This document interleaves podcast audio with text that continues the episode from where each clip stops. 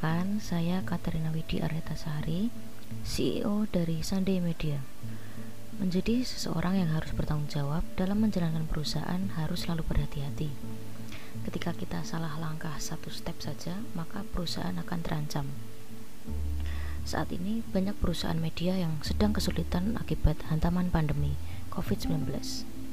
Kebanyakan yang terjadi adalah pada masalah keuangan atau pendapatan yang turun daripada biasanya. Sebagai seorang pemimpin, tentu seluruh langkah perusahaan bergantung pada kebijakan yang saya ambil.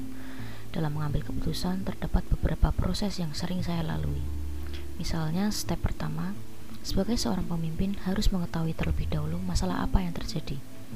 Pemimpin harus mengumpulkan segala informasi yang terkait dengan masalah, baik dari dalam ataupun dari luar perusahaan. Informasi yang didapat pun juga harus segera dianalisis dengan tepat. Lalu, langkah kedua, menentukan tujuan. Setelah masalah telah ditentukan, maka pemimpin harus mengerti tujuan selanjutnya. Biasanya tujuan ini memiliki batas waktu untuk dicapai atau kerangka waktu. Hal ini bertujuan untuk membiasakan diri dengan berorientasi pada target dan tidak terlalu lama memenuhi tujuan. Step ketiga, pengembangan solusi. Nah, sebagai pemimpin harus memiliki banyak rencana, mulai dari rencana A, B, bahkan hingga Z. Hal ini bermaksud bahwa pemimpin harus siap sedia apabila solusi yang diambil tidak berjalan dengan baik. Step keempat, menjalankan solusi. Dalam melaksanakan solusi dibutuhkan rencana atau tindakan yang rinci seperti jadwal pelaksanaan, anggaran, dan uraian siapa yang bertanggung jawab untuk melaksanakan perubahan ini selain pemilik media. Nah, lalu step terakhirnya adalah pemantauan solusi. Hal ini bertujuan untuk mengetahui seberapa benar sih solusi yang telah diterapkan sehingga pemimpin harus memfollow up perkembangan rencana dan segera mengevaluasi apabila solusi yang diterapkan tidak berjalan dengan maksimal. Beruntungnya kami, perusahaan Sandi Media dalam laporan keuangan terakhirnya nampak tidak begitu terdampak. Hal ini karena dari awal berdiri, jauh sebelum pandemi, kami telah menerapkan investasi di bidang yang lain. Dan kami juga memiliki simpanan kekayaan dalam berbagai bentuk. Selama masa pandemi COVID-19, perusahaan benar-benar bekerja semaksimal mungkin dan dengan tetap menerapkan protokol kesehatan.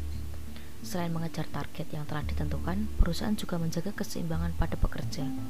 Perusahaan Sandi Media meyakini bahwa karyawan yang sehat dan bahagia akan memberi pengaruh besar bagi kelancaran program perusahaan.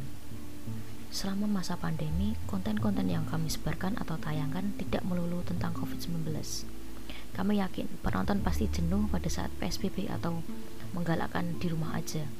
Maka dari itu konten saat ini lebih ke arah hiburan atau entertainment. Hal ini diuntungkan dengan bentuk perusahaan Sandi Media yang telah berubah ke media, media digital. Kemudahan dan kecepatan akses menjadi salah satu poin plus dari media saat ini.